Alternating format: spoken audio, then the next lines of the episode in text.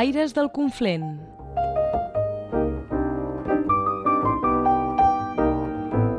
Enric Balaguer, des del nostre estudi de Prada.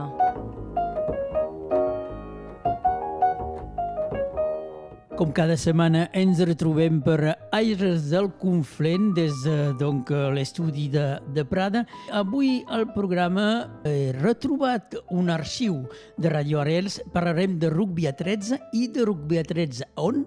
A Escarú, perquè a Escarú fa temps s'ha jugat al rugby a 13 ens anirem per la natura amb el naturalista Albert Mayol ens presentarà una planta amb un nom bastant conegut perquè és el safrà, però és el safrà de muntanya. També seguirem amb els camixibais. El camixibais avui és l'Escorbàs, amb les veus de Violeta Tubert i Didier Pairé, i anirem encara una vegada a Vallestàvia, però per començar com sempre, és la Zoe Bosch Sardans, que ens diu una dita i després seguim amb l'explicació. El nostre convidat que retrobem just després és pintor, però també guia, guia del monument important del Conflent, que és Sant Miquel de Cuixà.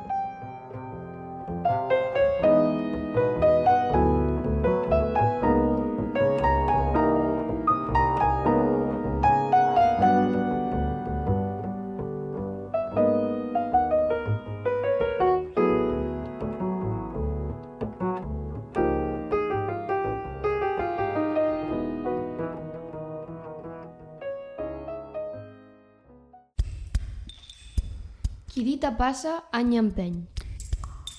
Zoe Bosch Sardans, Enric Balaguer.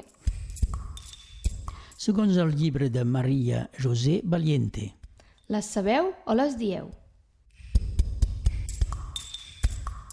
Fer passar amb cançons. Es diu, quan algú no s'acaba de posicionar i vinga a fer perdre el temps als altres amb excuses, romansos, per mirar d'evitar de decidir-se, fer quelcom o concretar un compromís. Bernat Nicolau, bon dia. Bon dia, Enric.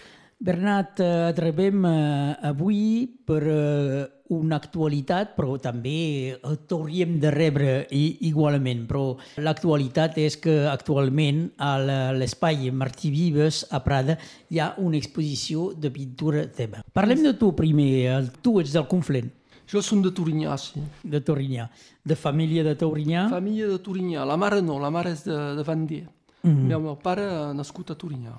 El teu pare també pintava. Pintava i, bon, la gent potser no ho saben, però feia cartells de, de cinema Ah, durant no sé quants anys. Va començar abans de la, de la, primera, de la Segona Guerra Mundial. Pintava cartells a un cinema que es deia Les Deux Salles, enfront del Palau de Justícia a Perpinyà. I eh, després de la guerra va continuar. Després va anar a treballar a, al Gran Hotel de Font Romeu i va acabar fer, a fer obrer a, a Molitx als Banys. i doncs tu sempre has viscut al Conflent. I pintava. Sí, sí, jo sí. Com, com veus el Conflent? Què, què podries dir del Conflent? Del Conflent, per mi, eh, jo diria que és el país del Canigú.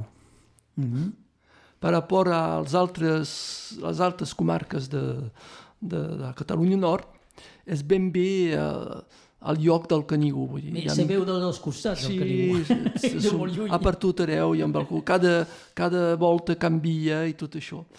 Uh, si no, el Conflent jo trobo que bon, canvia molt. Que. ha, ara veig que hi ha bastantes construccions a per tot arreu que, que fan que no sé si d'aquí 40 o 50 anys es pot reviure com ara. Que.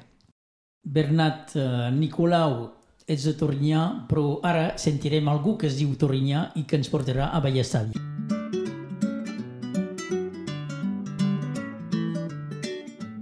Vilatges d'aquí, avui, Vallestàvia, amb Jaume Taurinyà.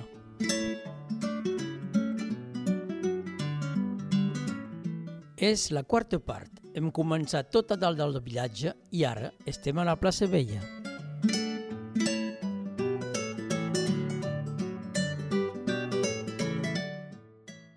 Això és la plaça, la plaça Vella. Era la plaça on feien, quan feien la festa major. Ara, hi ha d'altres festes, però la festa major no, no, se, no es fa més. I era la, la plaça on feien el ball d'ofici, aquí. El ball d'ofici era el, el ball tradicional que feien eh, després de la, de la missa, que eh, de, de, de la festa major. Que. I doncs eh, és aquí que se veu la, una, una mica la, la, la vall i ja sabeu que hi ha, hi ha masos aquí, de, donc, de, de, de l'altra banda, i eh, els primers rastres d'una civilització que ha passat aquí, a Vallestavi, són al cim d'aquesta carena aquí, que se'n diu la, el Serrat del Ginebre. Hi ha penyes eh, gravades allà. No són dibuixos, però eh, són eh, clots fet a la, fets a la mà que, que daten, pensem, de, de 5.000 o 6.000 anys de, abans de, del Crist. Donc, és la primera presència humana d'aquí, és eh, sobre aquesta carena. Pensem que de, devia, ser, eh, devia ser civilitzacions pastorals eh, que, que, passaven, eh, que passaven allà. Mm, Parles de pedres amb, amb mena de clots, potser podrem pensar a una cosa de sacrificis, en la nostra imaginació. devia ser una, una, la celebració d'un culte, eh? d'una religió. Ara que com no, no tenim res descrit, suposem això, que i, i no és, és difícil de, de, de fer una afirmació que, de, sobre que això. Ara que no, no tenim cap, eh, cap dolmen, però hi ha un endret que se'n diu el Camp de l'Home Mort, i el camp de l'home mort sovint indica que hi ha hagut un, un dolmen, que una, una tomba d'un personatge important. Que. No hem parlat de l'etimologia del nom de Vallestàvia. Uh, la- L'etimologia és, eh, és fosca, si podem dir. Ha, la vall és, eh, és evident, hi ha vall, eh, donc, eh, i després estavi, eh, que pot ser, Ambassedes diu que és, eh, de- devia ser Ambassedes, eh, que és conegut, ha, ha buscat, ha explicat un munt de, de, de termes de, de, de Catalunya Nord, era, era el, nom d'un propietari, eh, que se deia pot ser Estabius o, o quelcom com això. Si no, eh, havíem pensat a, a estable, eh, coses com això, lligades amb, amb les pastures i coses com això. Que. No hem parlat tampoc de la vegetació que trobem aquí a, a Vallestàvia. A la vegetació, eh, fins ara, eh, perquè com el, el, clima, el clima està canviant, hi ha, hi ha una barreja de, de vegetació mediterrània i, i muntanyenca.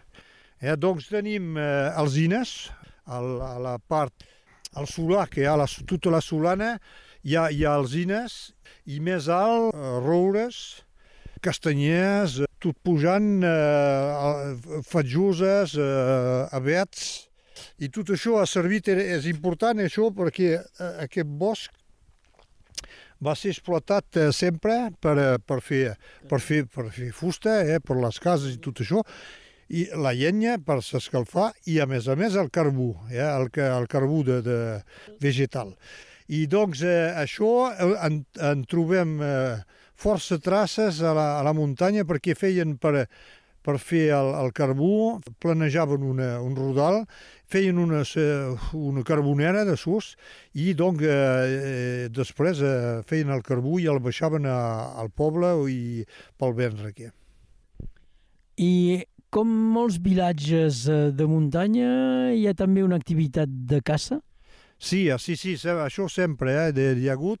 De moments ha, ha baixat força perquè coincidia amb la, la desertificació del vilatge. La, els masos havien estat abandonats i eh, els camins que eren eh, mantingut eh, abans eh, era, eren deixats. Donc, I la caça ha, ha permès de, de trobar aquests camins. Nosaltres, eh, la gent que se passeja a la muntanya, eh, donc hem ajudat tot això i donc eh, tots tot aquests camins van ser eh, trobats, tornar per la, eh, gràcies a la, a la caça. I la caça, doncs, eh, hi ha sobretot la caça al cinglar, eh, o al porc cinglar, no sé, eh, aquí en diem el cinglar, l'isard també. Abans hi havia, hi havia perdius, hi havia, ara tot això s'ha perdut. Eh, Hi ha, hi ha llebres també, però la, la majoria dels caçaires ara és, és, és sobretot una, eh, la, la caça al cinglar.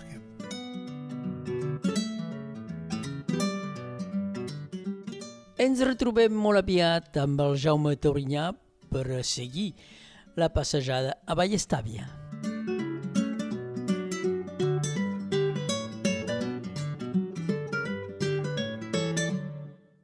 Doncs Bernat, abans de parlar de pintura, parlarem de la teva activitat eh, professional. Ets gu- guia a Sant Miquel de Cussà. Suposo que per tu Sant Miquel és una cosa especial perquè hi passes la vida. Escolta, és, eh, és, és, és, un treball quasi de tota la vida, perquè he començat uh, fa 44 o 45 anys, doncs en tinc 60, eh, mira. que a part que sigui un treball de tota la vida, és pas igual que, per exemple, ser dins una fàbrica, a la Ah, no, cadena esclar, i tot això. esclar. Sí, sí. No, mais bon, eh, és un treball que m'agrada molt, molt, molt. Eh, la primera cosa per mi és la, la pintura, és de pintar. Sí. He fet els Belles Arts, mm. eh, ho he fet per, per, per pintar. Que. Mm. Has parlat de les Belles Arts, doncs que fe- vas fer estudis secundaris Sí, i sí. després, evidentment, en les Belles Arts. A on? A Perpinyà? A Perpinyà, oh, És una formació cinc, de 5 anys. de 5 anys, Sí. imprescindible. És d'aquesta formació que els, alguns artistes diuen, penso que és molt més per al teatre, però eh, te cal aprendre i després eh, més o menys descuidar el que has- has après. Sí, és clar. Bon, el problema és que són estudis que no, no donen un mestier, si vols. Mm. Eh? Mais, bon, t'aprens per les coneixences. O... Hi ha tres anys de, de tronc comú, diguéssim, i després hi ha una orientació i el total dura cinc anys. I al final tenim un diploma nacional, un diploma superior nacional. Després vaig, vaig fer algunes exposicions sortint dels Belles Arts i durant molts anys eh, no he fet res. I és el fet de, del Covid, com a Sant Miquel eh, va ser tancat set mesos, me són tornat a la pintura i ara continua. Parlem d'aquest eh, retorn recent a la pintura de, de, durant el Covid. Mm. És que, entre temps, has canviat eh, d'estil. Parlarem del teu estil eh, una mica més endavant. L'estil ha canviat eh, sovint, que, eh? El que és que des de fa molts anys faig retrat, retrats, són retrats, voilà. Abans eren retrats de persones conegudes, diguéssim, que es podien reconèixer, fa, fe, feia, feia referència potser més a la mitologia contemporània, bon, hi ha també el cinema, el rock and roll, tot això, i ara no, ara bon, hi ha sempre el cinema, la, la banda de la, la BD o, o del, el rock and roll, tot això, però no és forçament gent eh, són coneguts que. Anem a escarró per al nostre arxiu i eh, parlarem una mica més del teu eh, treball eh, artístic.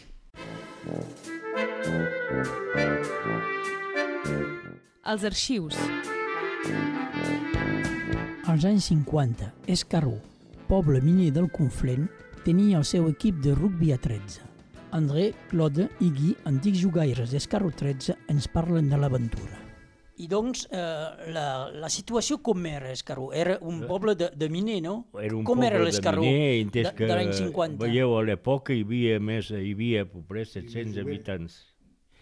Que la gent treballaven a les mines de ferro i tothom era aquí. És per això que a les tardes, quan la gent eren llibres, els homes que eren robustes podien s'amusar a jugar al balon. André, m'heu dit que això havia començat a la Bastida. Bé, bé, gairebé, sí. Sí, anaven a peu d'aquí a la Bastida. I més això, A la Bastida, a costat d'Oleta. al costat d'Oleta, sí. Va començar així un poc, eh? Un poc així. I en aquell moment era ancients, ancients que jugaven. Sense ni millors ni res no tenien, eh? Res. Eh, jugaven així amb les calces i roblegades endavant. I després com fa que heu, eh, heu, us heu instal·lat eh, finalment per jugar a Escarró? Perquè Escarró és muntanya, heu trobat un, Oh, un, i- un terreny ah. planer? Eh, un, un terrer pas massa planer, eh? El terrer feia un poc així. Així. És a dir que Era Ah. el, el pla, el pla del, del galant, a dalt, Sí, que en deien. és a dir, que Me- fe, feia una, un, com una, una curva. Oh, Els buts de- d'un banc se veien pas de l'altre. bé. Llavors, eh, quan eh, eres al mig del terrer, veies els, els buts de adversa o els teus. I vosaltres, eh, quan, com l'heu trobat eh, per jugar al rugbi? L'heu fet, eh, l'heu netejat vosaltres? Vam netejar, vam netejar pobrets a les limites, perquè els feia pas a les limites, eh? Crec pas, eh? Segur que feia 4-20 metres o 4-20 metres, si que els feia, tan solament, eh? Era pas llarg, eh? I ample, i ample tot just. I ample tot just, eh? I corrien me... Hi havia, hi havia poca plaça, quan anaven a per avall, els de per avall eren més... Corrien més bé que Eh, nosaltres. a, a el- els terrers eren normals, eh, un, un terrer aquí, aquí no, aquí era el mateix. Hi havia un públic enorme. Com hi havia per res dins del cor, hi havia per la televisió. La gent venint de Saurra, de Fullà, de, de Nier, de, de Joncet, tot, tothom venia i era un, gent boig a la colina allà. Els diumenges eren magnífiques i després vam començar a nos desplaçar. I aquí veieu aquesta foto que ha mostrat eh, el que l'André diu, veieu, és la primera, Sí, hi ha, hi ha, vam una, hi ha començar una a foto jugar, antiga aquí que veiem, sí, a sí. jugar dins del departament. Amb, eh, El, el, el departament, eh? amb eh, Illa Sortet, Caramaní, Caramany, Caramany és també un altre vilatge petit com el vostre. ué, ué, Era, era l'únic. ué, ué. I després I, vi... i, havia un terrer, pensi que al mig, de, al, al mig del terrer hi havia, i se'n posava anat jo, eh? perquè hi era el servei. Bé, els he sentit a dir en ells, aquí que havien anat, hi havia una roca al mig de, del terrer, Del terrer. que, mira, si la palpaves, ja sabies que I havien jugat també contra el 13 catalàs. T'agafaven, t'arrestaves. Quan veies el roc que t'agafaven, te- t'arrestaves. I aquí era el mateix, eh? Aquí era ple de ginesta, de ginestes i, i avàlegs i, i barges, en fi, eh? no ho en tingué de netejar. Tot, un poc de tot hi havia. Ui, ui, ui. André, meler, Guy, Pilar, Clode, mig d'obertura, es recorden del rugbi a Escarró. Bé, nos el regalaven perquè hi havia per res per s'amusar. Que nos amusaven, voilà, nos regalaven perquè nos amusaven. Eh? Quan te peus el baló, allà, mira el que feien. És tot el que feien, eh? I després nos desplaçaven. I després quan anaven a Illa era una aventura. Quan anaven a Perpinyà... Com se feien els desplaçaments? Hi havia, amb, ho feia amb, pas en eh, autobús? Amb l'autobús, Ah, sí, hi havia l'autobús. l'Otoscaró, hi havia un autobús que era... El d'Escaró o el tronyó d'Olet, eh? Ué, També. Quins eren els colors de d'Escarró? Us recordeu? verd, I blanc, verd i blanc. verd i blanc. Aquí el, el truc era verd, mira, les, les calces eren blanques. Eh, Això del rugby 13, per què passa el 15? Ja m'heu dit perquè eh, eh, ve del fet que el 13 era més el rugby de, de la gent d'esquerra i que Escarró té una, té una reputació de ser un vilatge d'esquerra. No, sé pas, eh, per avall, eh, el Soler o Illa, si era massa d'esquerra, eh, a l'època, sé pas, eh. No, vam, eh, vam prendre el 13 perquè eh, el que havia, el que havia creat l'equip era un fadà de, del 13 català. Talament que baixaven Suïnya a Perpinyà amb ell i el, di, el dijous el 13 català s'entrenaven i cada cop calia que anessin a veure l'entrenament del 13 català. El estat de Jean, Jean Lafont era. Bé, més posa una resol de política és perquè també a 13 calia menys jugaires que 15. Ja, hi eren pocs aquí, eh? Ja. Eren eh, justos, justos. Justos. A cercar a, per aquests corns de, de boleta i... Entès, i un- Boleta, Prada, Encara com venien. i encara com venia, no? I després havíem fet jugar a gent ajats també, eh? Quan parlaven d'aquell... Eh, Fins a quin any bé, és que tothom ho- hi- s'hi posava. eh?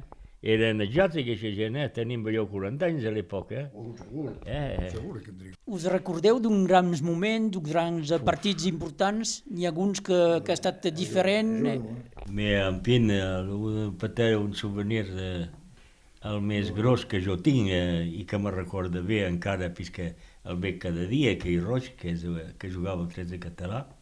Jo jugava a Pirier i, bon, eh, quan ens baixem per fer la melé, me, sé pas que me va prendre, me vaig aixecar al moment que se, ell s'aixecava i li vaig escalfar el nas. I encara avui se'n recorda.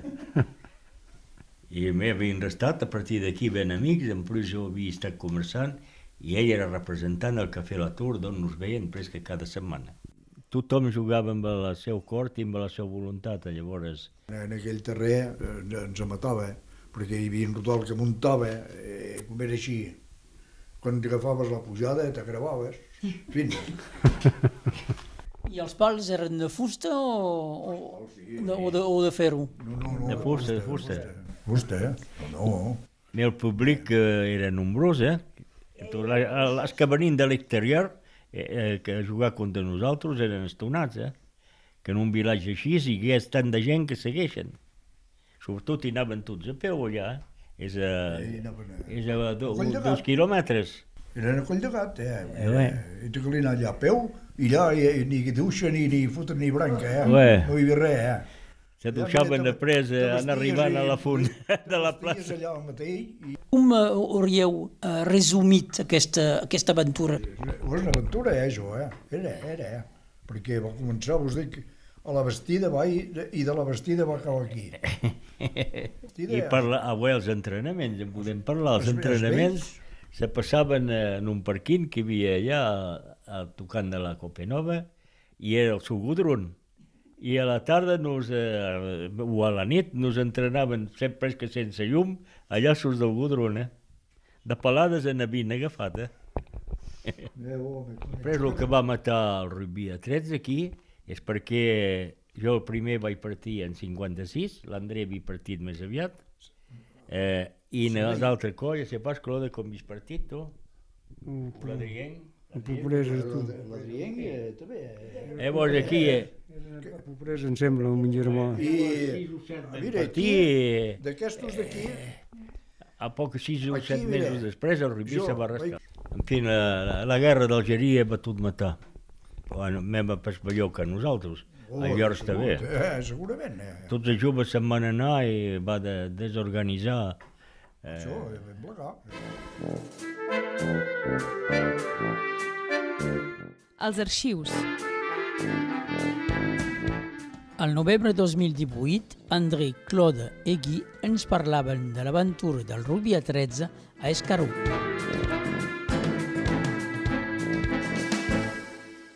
El nostre convidat és Bernat Nicolau de Torinyà, que professionalment és guia a Sant Miquel de Cuixà, però que també té una altra activitat, eh, potser més, eh, més que li ve del cor, que és eh, artista, fa pintura, és pintor. La teva pintura, eh, Bernat, és eh, una mica, mm, jo diria especial, no, és, potser sorprenent, no? Eh, és, eh, molt, hi ha molt, molt color, eh, hi ha petits formats, però també molt Sí. grans formats. Sí. És a dir que jo veig la pintura un poc com una, un espectacle, si vols. Mm? Eh, des de sempre. Per exemple, m'agradava molt quan la gent venia al taller, quan treballava als Belles Arts, i jo treballava al davant d'ells. I per tant, són, no, la gent que me coneixen saben que no sóc extravertit, que sóc pas un home... Me m'agrada molt eh, això, mostrar el que faig. Mm. El fet de pintar en gran és una manera espectacular, també, Sí. de veure les coses. Les colors, eh, és un poc com un, un músic, mm. eh, un músic de, de rock and roll que fa un concert. Jo faig una exposició, si vols. I- l'exposició per mi és molt important, mm. perquè hi ha el treball al taller, me, no, Ho no, cal pin, ensenyar. no pinto per, per mi, Sí. sí. ho faig per, per, per mostrar, si vols. Mm. Per veure, per veure la- la- l'actitud que té la gent per rapport al meu treball, for- forçament.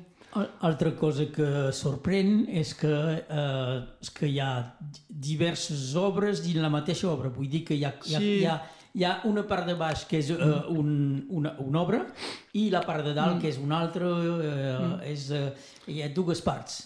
Bon, primer, dins d'una exposició hi ha d'haver una coherència. Si vols, quan pinto un, pin, un, un retrat, eh, un gran retrat, pot ser ben fet, ben, ben pintat i tot, però jo trobo que és pas suficient. Falta la part de creació. Per mi, és com un poc de l'il·lustració, si m'arresti aquí. Sí. I el fet de, de tallar l'obra i tornar a colar amb una altra obra fa que hi ha un efecte de sorpresa. Totalment. I això entra dins la creativitat, si vols. Sí, és sí. la part un poc... És una mise en escena, més o menys, no? Ho veus així o No, no? no, no, és una manera que una cosa que m'escapa i, que, i que dona una cosa interessant, que vull dir. És un poc el sistema del, del com se diu això, del cadàver esquí, Sí, si vols, al nivell de la pintura. sí, sí. Va, sabeu que la teva influència és eh, la banda dibuixada, el còmic, no? També? És ple de coses. Sí. Diguéssim que quan pinto hi ha moltes coses que arriben, que m'arriben al moment de pintar. Que al moment, perquè un, un, un quadre ho faig molt ràpidament, finalment, els grans. Sí, e- e- és una... A un, a un moment, quan tenia el temps, feia, em feia un per dia. Sí. És doncs un- veus, a casa en tinc el que has posat aquí, en tinc tres o quatre vegades més encara. Sí, sí. És una pregunta format. que et volia fer. Sí. És, és que sí. se sent quan se veu la teva pintura una immediatesa, Sí, sí, una, sí. una, una Sí, sí. urgència, jo sí, diria. Sí, sí, sí. sí, sí. Perquè així, si vols, hi ha una, una cosa que m'escapa. Això és de, hi, ha, hi, ha molta, hi ha bastanta absurditat dins del treball. Veuràs que hi ha un peix d'un costat, hi ha un, un, sé pas, una bicicleta, una guitarra elèctrica. Són coses que me ven al fur a mesura així. I jo crec que no hi ha res de gratuït. Si vols, dins l'absurditat, hi ha forcément una cosa real, que, una cosa que es passa. Voilà. És la, la dimensió poètica també de... És que, Bernat, no sé si t'agrada, evidentment no sé si agrada o si pot ser ser considerat com una cosa, no sé, no gaire educada, mm. eh, la comparació. Jo quan he vist la teva, la teva pintura, en coneixia algunes coses, eh? quan he vist la teva pintura penso també el que fa en Pascal Comalada. Ah, potser sí, hi ha una manera de... Uh, potser, sí, m'agrada molt, eh, Pascal Comalada, evidentment. Uh, hi ha un títol, perquè posi títol amb cada, amb cada Sí, obra, sí, eh? sí. No sé si has vist. I n'hi ha un que es diu Cantonat les portuguès ensablés. Sí. I això és, un, és, un, és, és una... Portuguès ensablés Sí, sí, és un sí. títol d'en Pascal Comalada i, i de, i de Lliminanas.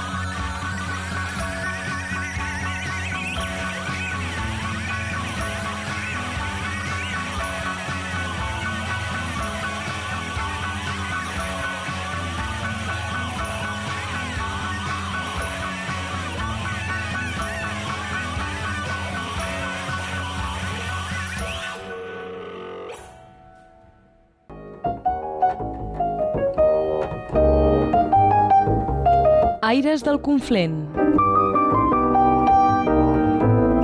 Des del nostre estudi de Prada. Enric Balaguer.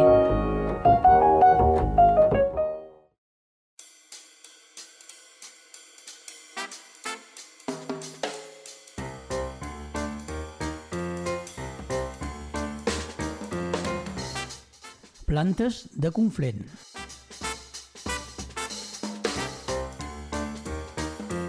Albert Mallol Camproví. Ens retrobem a l'estudi de Prada amb l'Albert Maiol, el naturalista, que ens ve a parlar de plantes molt sovint. Albert, bon dia. Bon dia, Enric. Quina- Tornem a ser aquí. Sí, quina Sí. planta avui? Sí. Que és molt bonica, eh? Sí, és, és ben bonica aquesta, eh? I és- no té fulles. Quina cosa més estranya, ho explicarem. Uh, és el que s'anomena safrà de muntanya. Uh, safrà i safrà de muntanya són els dos noms que tenim que van ser recollits per en Bouchard, publicat uh, en el llibre que va fer l'any 1971. No tenim res més. I en occità, tampoc. El nom francès, eh, Crocus d'automne. També Crocus a flors nues. I eh, la família és de les iridàcies i el nom llatí, Crocus nudiflorus, que pot ser, eh, nudi, no sé exactament a què se referiria, però a mi me fa pensar en com despullat. Eh? Eh, Sí. Me fa pensar, eh? potser no és això. Fem una descripció Sí. també amb un molt bonic eh, color, eh? Sí, sí, té un, un, un color realment bonic. Mira, potser primer parlem de, de com és la planta. La planta té un bulb que està força enterrat, eh? perquè la tenim aquí davant la planta i veiem que un terç és a sota terra i surt directament la flor de terra i no veiem fulles. I no veiem fulles perquè les fulles surten força més tard després de la florida, probablement per fer la fotosíntesi, per posar nutrients per poder florir el següent any. És una planta, llavors, ja sabem que és perenne. La trobem en grups, explicarem per què després. El color de, de la flor, eh, que és com a campanada, eh? eh pas sí. molt grossa, però campanada, i té... Fa quatre o cinc o tres centímetres. Sí, sí eh, és a dir, la part de dalt, la que veiem, sí, 4 De diàmetre, la per la flor. I, però té un estret tub Sí. que ve de l'ovari que està enterrat. I al total tenim 20 centímetres, perquè sí, els oients s'adonin compte, 20, s'adonin del tenim que és. 22, 23, un pam. Mm. Un pam més o menys, pot ser una mica més, pot ser una mica menys. Llavors, és, eh, és una planta que el nom ja ens explica que és molt semblant al safrà que es cullen els, eh, crec que són els estigmes, per, per eh, utilitzar per, eh, per fer coses de menjar o també per, mm, per temes de medicina. Però la curiositat és que aquesta no. Aquesta no. Però té un nom que, és clar pot crear confusions. El problema que pot haver-hi és eh, el fet que, que esclar, eh, hi ha moltes persones que no coneixen el medi i la puguin agafar per error i es confonguin amb una altra planta que conviu en el mateix hàbitat i que té un aspecte no igual, evidentment que no, però a ulls d'una persona que no remena plantes contínuament, sí, que són els còlquics, que són tòxics, i es fan allà. I la manera de distingir-les és obrint i mirant els, eh, els estams, els estams que té. En aquí, fixa't bé, n'hi ha tres. N'hi ha tres. Els altres en tenen sis. Cal ser especialista per saber-ho, Sí, no? sí cal. Per això que moltes vegades quan se van a buscar plantes se, té que conèixer, s'ha de ser conscient de el que es fa, perquè un error pot ser fatal. Llavors, en aquest cas, eh, és una planta que té aquesta problemàtica, que conviu amb d'altres que són realment tòxiques i que a sobre té un nom que pot enganyar. El més curiós és que no, que no en coneixem cap mena d'ús. No sabem si per error s'ha fet servir o no, o almenys jo ho desconeixi. Jo en conec un d'ús. Sí. per la, la, les noies o els nois que s'ho posin a l'orella. Ah, això, Que- per que- portar-ne una mica. El bo que té fer això és que, com que tallem la planta, el bulb no surt i s'assegura que l'any que ve podrà sortir. De fet, és una planta que s'estén perquè treu uns estolons laterals i va formant petites colònies, que no són denses, però formen unes colònies i veiem tot de floretes que surten de terra a, a un, els prats. Estem parlant d'una planta que, que habita en aquí, eh, al Conflent, en les comunes de muntanya. Donc, clarianes. Eh, sí, clarianes, llocs herbosos. Sí. Uh, per exemple, el lloc més baix que jo la conec, potser n'hi ha d'altres llocs, és a Sardinyà, que és molt baix. I, i habitua... Parlem de 500 i 600 metres, no? Sí, sí, estem parlant d'una cosa així. Però, de fet, eh, els botànics que han treballat aquests dos segles anteriors la situen al voltant d'Oleta i Permont. Seria més o menys el mateix eh, pel costat del Vallespí. Eh? Pot ser fins i tot un pèl més baix perquè és més humit que aquí. Ara no ho sabria dir. Albert Mayol, eh, naturalista, especialista de les plantes. Resumim aquesta planta. Sí, El seu resumim-la. nom, com sempre. Sí, una planta de la família de les iridàcies, el seu nom és Crocus nudiflorus, el nom en català eh, que coneixem és safrà o safrà de muntanya. En occità no en tenim, ens agradaria saber, perquè ben segur que hi és aquesta planta amb alguna banda. I el nom en francès, Crocus d'autom o Crocus a flors nues. Albert Mayol, eh, moltes gràcies i fins una altra. A tu, Enric, fins una altra.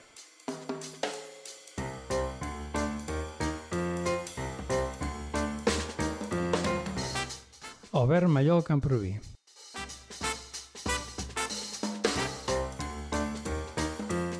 Plantes de Conflent.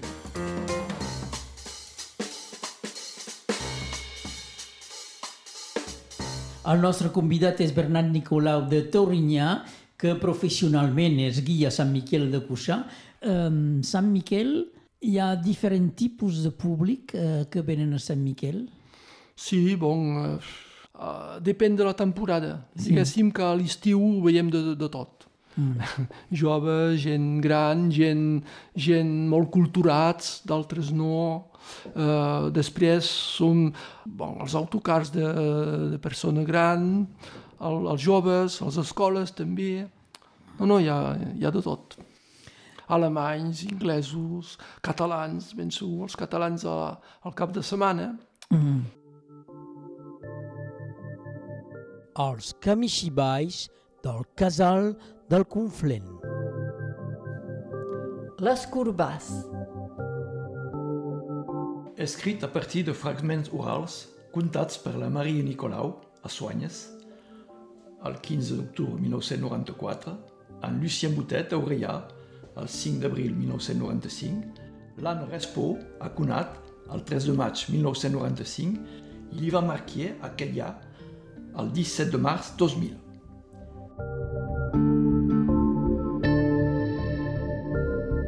Adaptat per en Didier Pairé. La il·lustradora és la Irene Pereira.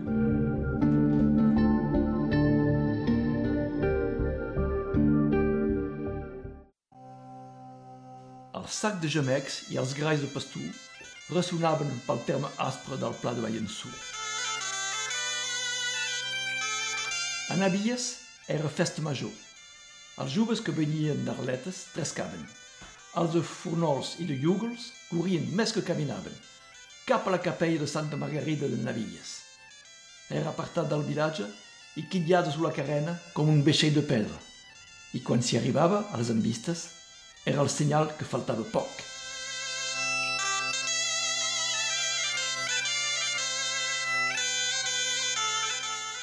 Mentrestant, el degà del vilatge, el vell Japota, un home molt savi, s'estava morint a casa seva. N'era a 19 de caputxos. Després d'haver dit la missa, el capellà va acudir per li portar l'extremunció, acompanyat per la majordona. El ball d'ofici ja havia començat.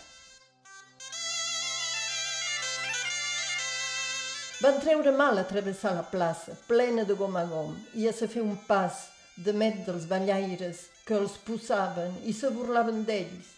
Vine a ballar amb nosaltres, cap allà, i deixa fotre aquest ballot.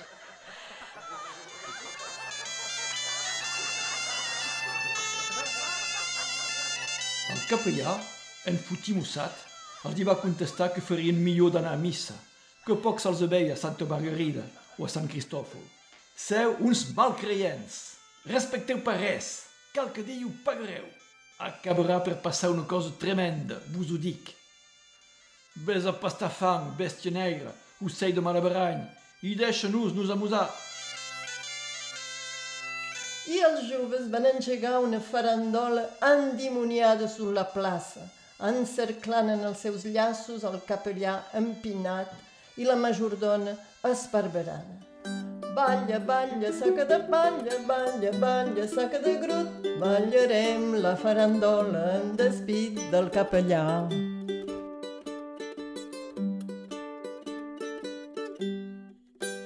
Un gros ocell negre va caure del cel com una pedra sul cap dels ballaires. La música se va restar de cop i tothom va recular, deixant un cercle buit al mig de la plaça. La gent mirava esterrissada aquell ocell, estirat pel sol, les ales obertes. Era un escorbàs, un escorbàs enorme i negre com l'estatgí.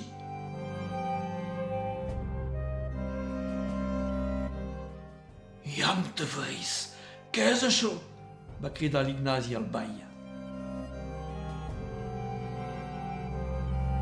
Passat el primer moment d'esturament, un jove més atrevit que els altres el va gosar tocar amb la punta del peu.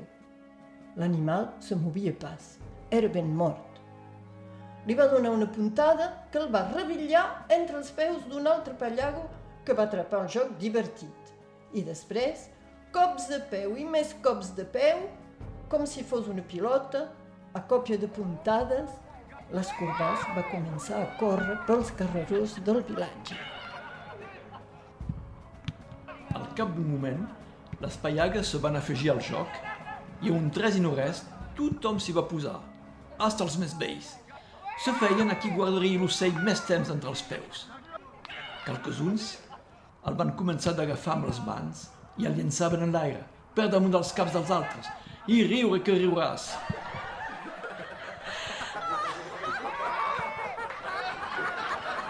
Era quelcom com una bogeria. El capellà ne va aprofitar per s'enguilar cap a la casa del Japot, mentre la majordona anava a cercar un poc d'aigua freda pel moribund. L'home era ben feble, me encara en capacitat de parlar. Què passa fora? Què és aquest xivarri? Crec que la gent de l'endret són ben tocats al bolet. Juguen amb un ocell negre caigut del cel. Malorosassos, va murmurejar el vell entre les dents abans de fer el darrer badall.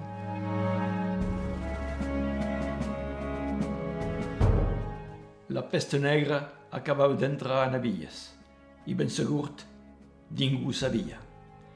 Cap al vespre, els joves se'n van tornar alegres i contents, cadascú cap a casa seua, escampant la malaltia a tot arreu.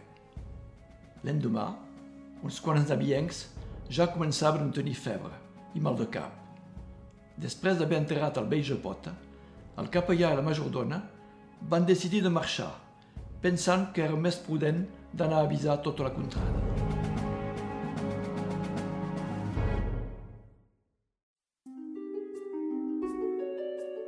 Passant a prop del roc de les Creus, hi van trapar l'Ignasi, agenollat sus a l'imponent roca gravada, els braços en l'aire, bramant cap al cel com un heretge.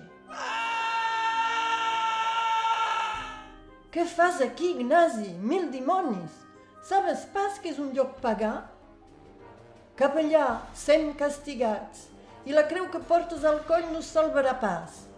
Les que són gravades aquí són pas cristianes, pertanyen a l'antiga religió, veieu més potent que la nostra. Per això invoqui les velles divinitats. El capellà va arronsar les espatlles i va continuar el seu camí. En pocs dies, tots els vilatges del Pla de Vallençú van ser contaminats i llur població completament delmada. I més enllà, els de Rola, de Belloc, de Campies o de Celrà van desaparèixer de la història per sempre més. Sols van sobreviure el capellà i la majordona, que havien baixat a se refugiar a Campoma. L'Ignasi també se va escapar del flagell caigut del cel. Ara, en aquests llocs deserts on brama la tramuntana, encara se poden veure rastres de cases i ruïnes fantomàtiques de capelles devorades per la bardissa, recordant que aquí, abans, hi havia vida, molta vida.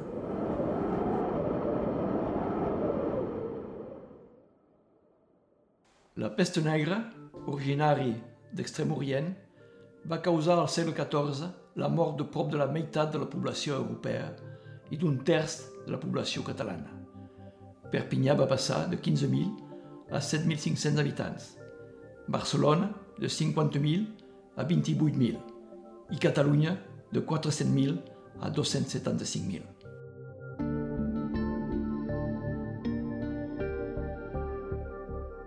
Molts vilatges i veïnats van quedar totalment despoblats durant segles i encara ho són.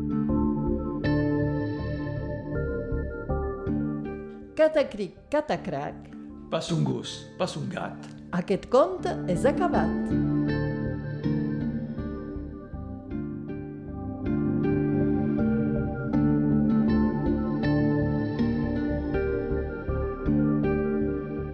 Era Les Corbàs amb les veus de Violeta Tubert i Didier Paeré del Casal del Conflent.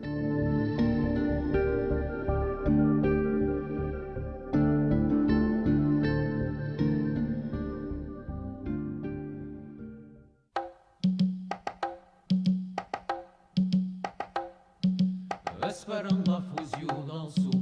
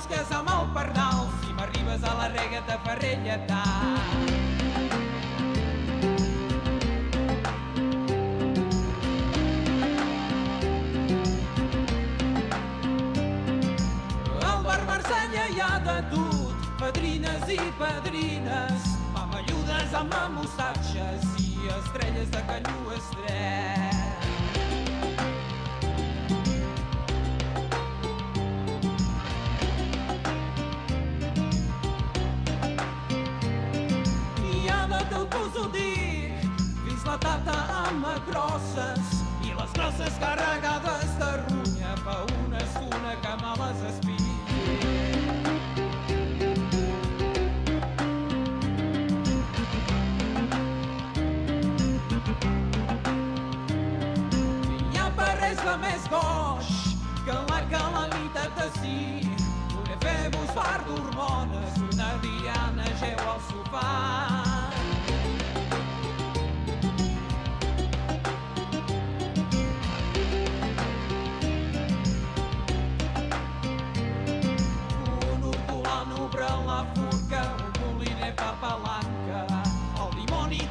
pietat, recap de fotre, estimat.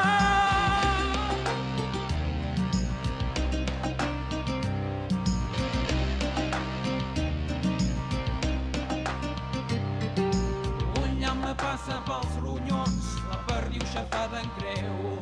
M'agafa la mà, el tap me gira, l'absinthe me fa avançar.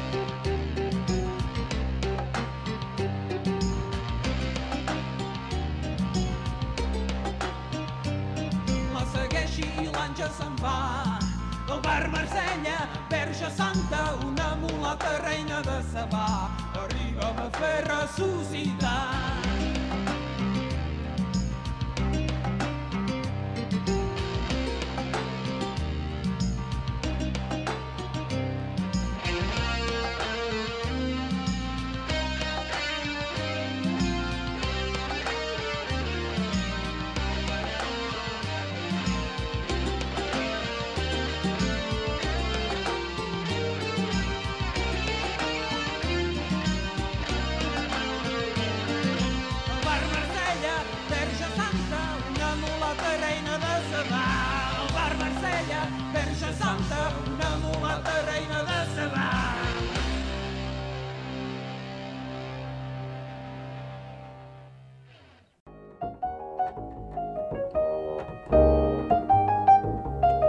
Aires del Conflent. Des del nostre estudi de Prada. Bon dia, sóc Agnès de l'Oficina de Turisme Conflent Canigó. Us informo d'animacions que es faran ben aviat al Conflent. Diumenge 3 de desembre hi haurà un mercat de Nadal a Mosset. Durant tot el dia hi haurà artesans, menjar solidari i vi calent. A les 11 i a les 5, la companyia Moitié Mitat proposarà un espectacle pels nens. Aquest diumenge, de les 10 a les 6, també hi haurà un mercat de Nadal a Eus. Serà l'ocasió conèixer artesans locals, de veure el Père Noël, hi haurà un taller de maquillatges, també es podrà menjar i beure vi calent. Diumenge 3 de desembre hi haurà una superrifle en català i en francès proposada pels, pels mainatges de l'Escola de la Brussola de Prada, tindrà lloc al poliesportiu de la Plana Sant Martí. Si voleu participar a aquestes animacions o si necessiteu més informacions, contacteu l'oficina de turisme o consulteu la nostra pàgina web www.turisme-canigo.cat. Us esperem molt aviat al Conflent per gaudir de totes aquestes animacions nadalenques. Bernard eh, Nicolau, l'actualitat és que actualment a l'espai Martí Vives a Prada hi ha una exposició de pintura teva. Eh, Aquesta exposició doncs, eh, l'has presentat a Prada, la presentes actualment a Prada, fins a quan? Fins al 29 de desembre. M'interessa molt exposar a Prada perquè sóc a casa meva. Sí, sí. Ha, hi ha d'altres projectes Per d'exposició? ara no, per ara no. D'acord, doncs recordem que aquesta exposició es fa fins, eh, fins a la fi del mes de desembre, fins al 29, sí. eh, i que bé, des de Radio Arrels us aconsellem d'anar a veure l'exposició de Bernat eh, Nicolau, que té mm. per títol... No té títol. Bernat Nicolau, que és eh, un pintor que fa temps que no havia exposat, que l'hem de retrobar.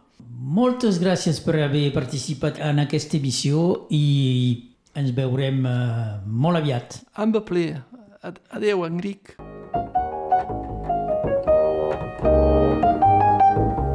Aires del Conflent. Des del nostre estudi de Prada. Enric Balaguer.